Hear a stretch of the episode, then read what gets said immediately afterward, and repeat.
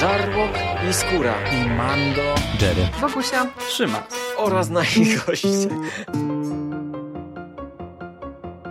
Konglomerat podcastowy. Wasze ulubione podcasty w jednym miejscu. Zapraszamy. Zapraszamy. Zapraszamy. zapraszamy. Zapraszamy.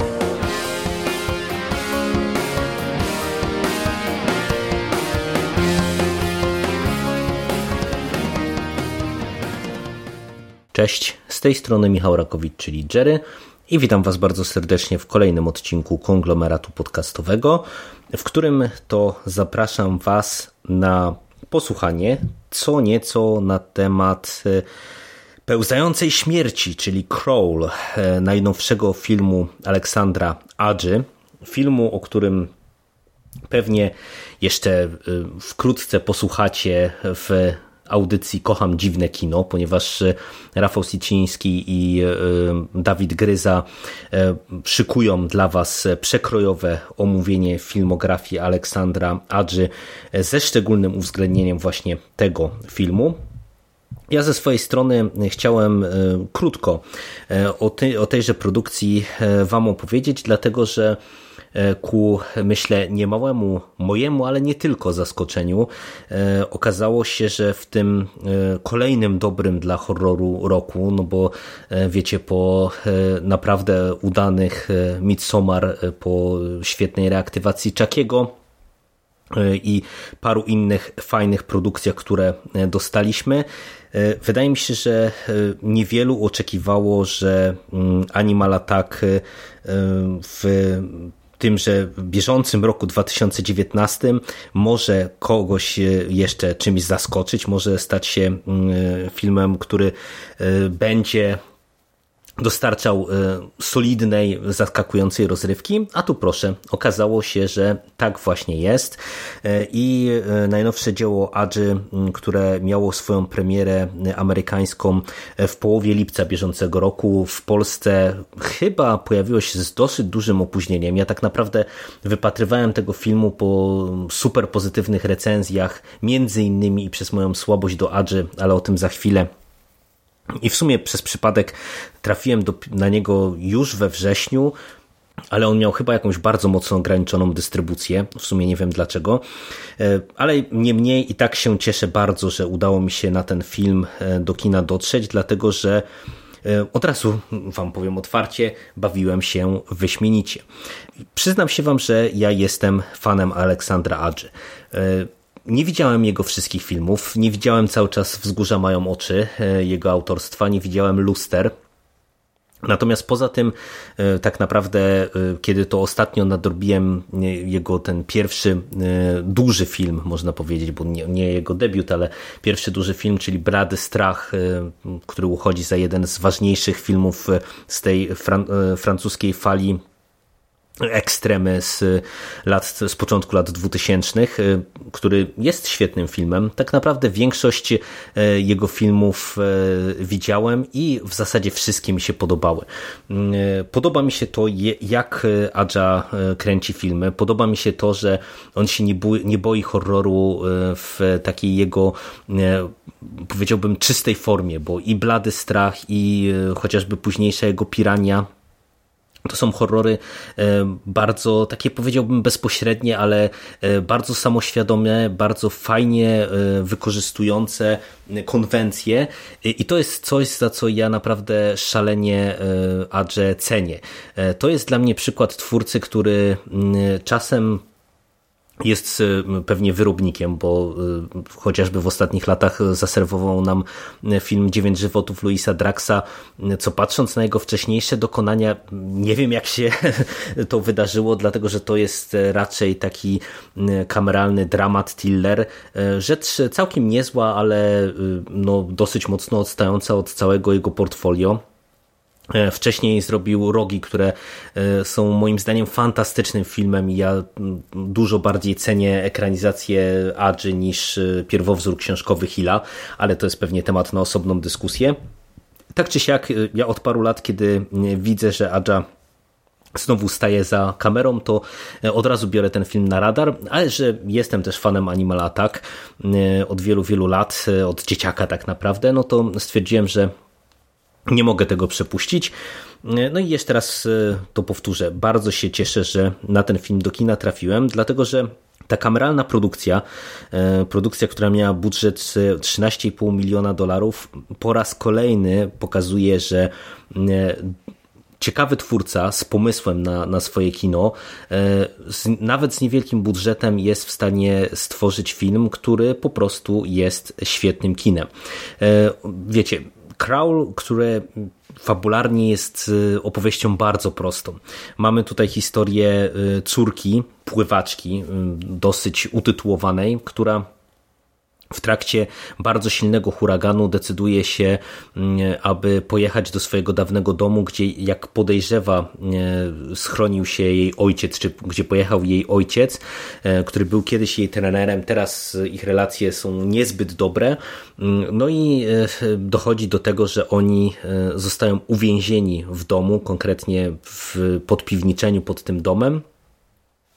No, które stopniowo jest zalewane, no bo wiecie, silny huragan. A do tego wszystkiego okazuje się, że e, zostają osaczeni przez e, aligatora, czy jak się później okazuje, aligatory. I tak naprawdę cała fabuła, 85 minut e, filmu, to jest walka o przetrwanie właśnie tej mikrorodziny w domu, gdzie muszą walczyć o przetrwanie no bo wiecie, zalewana piwnica, wygłodniałe aligatory, e, kończące się, e, że tak powiem, powietrze i tak dalej, i tak dalej. E, ten film jest dokładnie tak prosty, jak słyszycie. Zastanawiacie się w tym momencie, dlaczego on ma tak pozytywne recenzje i dlaczego tak bardzo on mi się podobał. Bo wiecie, Adja po raz kolejny według mnie udowodnił, że po prostu świetnie y, czuje y, kino, świetnie czuje gatunek. Bardzo mi się podoba, y, chociaż on akurat tutaj nie stoi też, czy nie odpowiada za scenariusz do tego filmu, no jest tylko i wyłącznie reżyserem ale e, ja czuję tutaj jego rękę w e, takim bardzo bezpośrednim budowaniu opowieści. Tutaj tak naprawdę e, w krótkich kilku sekwencjach my od razu mamy poustawiane wszystkie pionki mm, na planszy, wiemy to, co mamy wiedzieć o bohaterach i od razu jesteśmy wrzuceni na głęboką wodę. Tak było w Piranii, tak było właśnie w mm, Bladym Strachu to jest coś, co bardzo lubię właśnie u tego twórcy. I także tak tutaj jest też w tym przypadku, ale e, twórcy tutaj się naprawdę postarali, aby z tej historii wycisnąć ile się tylko da. E, I mamy w tym momencie e, bardzo fajnie zrealizowane jumpscary.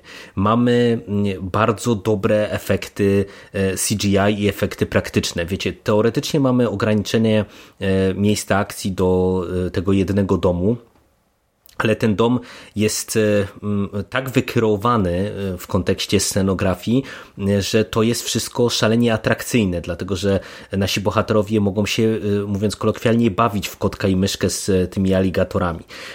Co więcej, to, że ten dom jest zalewany i to, że w zasadzie wszędzie wokół mamy już wodę, jest bardzo fajnie i pomysłowo wykorzystywane w kontekście umiejętności pływackich naszej głównej bohaterki. Także e, to jest e, przykład na kino, mm, powiedziałbym, e, rzemieślnicze, no bo umówmy się, że Pełzająca Śmierć absolutnie nie jest tego rodzaju horrorem, tego rodzaju filmem, który mm, aspiruje do odkrywania czegoś nowego w gatunku. Nie, to jest przykład kina gatunkowego, rozrywkowego, ale bardzo samoświadomego, i zrobione przez e, rzemieślników, twórców, którzy naprawdę znają się na robocie i, i też kochają to, co robią. I to czuć prawie, że w każdym kadrze, który tutaj dostajemy. E, co więcej, e, nie dość, że mamy sporo pomysłowych sekwencji, sporo krwawych sekwencji, sporo zaskakujących scen. Scena z, nie wiem, z kabiną prysznicową na przykład, rewelacja, scena z kanałami Podobnież, naprawdę tu, y, ja nie wiem, byłem na tym filmie w kinie dwa tygodnie temu, trzy tygodnie temu, y, a y, po prostu tu jest tak dużo fajnych i pomysłowych, pomysłowo zainscenizowanych i zrealizowanych sekwencji, że ja nadal mam ten film w głowie i, i nadal się po prostu cieszę, jak sobie przypominam to, ten, ten seans kinowy, także to najlepiej o tej produkcji świadczy. Co więcej, wiecie, to jest tak naprawdę teatr dwóch aktorów. E, e, Kai Scodelario oraz Barego Pepera. Tego drugiego pewnie możecie kojarzyć z jakichś tam drugoplanowych ról. E, Kaję Scodelario możecie kojarzyć, jeżeli mm, oglądaliście kiedyś taki serial Skins. Ja go nie znam. Przyznam się szczerze, w ogóle tej aktorki nie widziałem, chociaż widzę, że ona grała chyba jedną z ważniejszych ról kobiecych w tym filmie o Tedzie Bandim, który w tym roku się pojawił. E, ale e, ta aktorka e, wypada tutaj doskonale, naprawdę.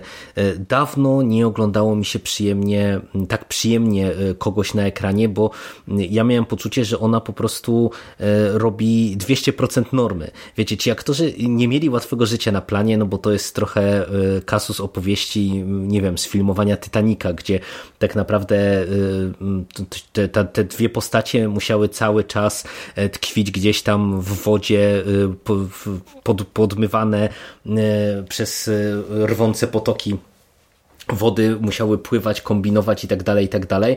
E, I naprawdę to zagrało tutaj świetnie. Powiem otwarcie, że jeżeli lubicie Animal Attack, powinniście ten film koniecznie zobaczyć, dlatego że po Pirani, jedynce, bo ja już Pirani 3DD aż tak bardzo nie szanuję, ale jedynkę bardzo lubię, uważam, że to jest świetny film Kraul e, to jest kolejny Animal Attack w mm, karierze Adży, który się udał. E, to jest film dużo poważniejszy przede wszystkim. Tu, tutaj nie ma tyle humoru, ile w Piranii. To, to jest wszystko jakby bardzo mocno na poważnie. I wiecie, mimo że tutaj naprawdę mamy dużo klisz, no bo wiecie, ten skonfliktowany ojciec i córka, którzy oczywiście dzięki tej kryzysowej sytuacji gdzieś tam pewnie się będą mogli odnaleźć, to, to, to są wszystko takie rzeczy, które my teoretycznie widzieliśmy już wielokrotnie, ale y, ja zdecydowałem się dla, dla Was nagrać ten podcast y, chociażby z jednego względu. Ja uważam, że właśnie twórcy, mm, tacy rzemieślnicy, y, którzy się znają na swojej robocie, są nazbyt mało doceniani. E, wiecie, my bardzo często mówimy o tych y, wielkich nazwiskach, wielkich reżyserów, e, którzy y, mają, nie wiem, jakieś określone wizje, wielkie budżety, którzy kreują te filmowe uniwersa w tej chwili i tak dalej, i tak dalej.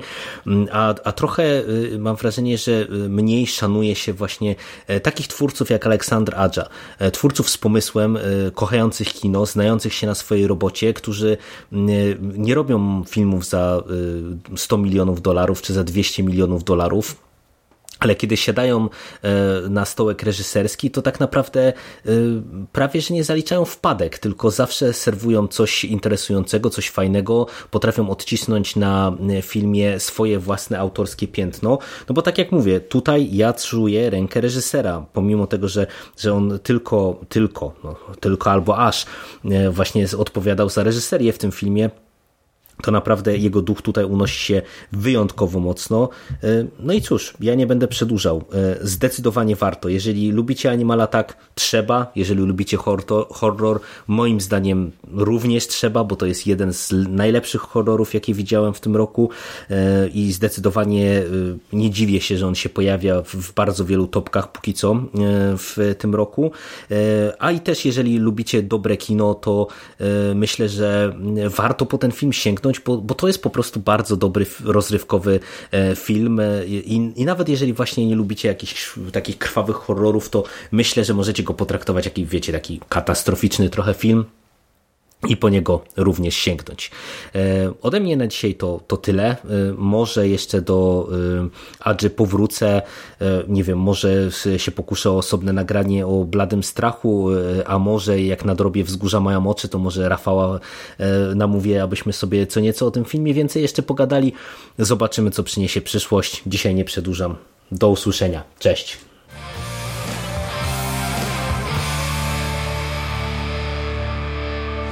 Finished? That's it, man. Game over, man. It's game over. What the fuck are we gonna do now? What are we gonna do? It's over. Nothing is over! Nothing! You just don't turn it off!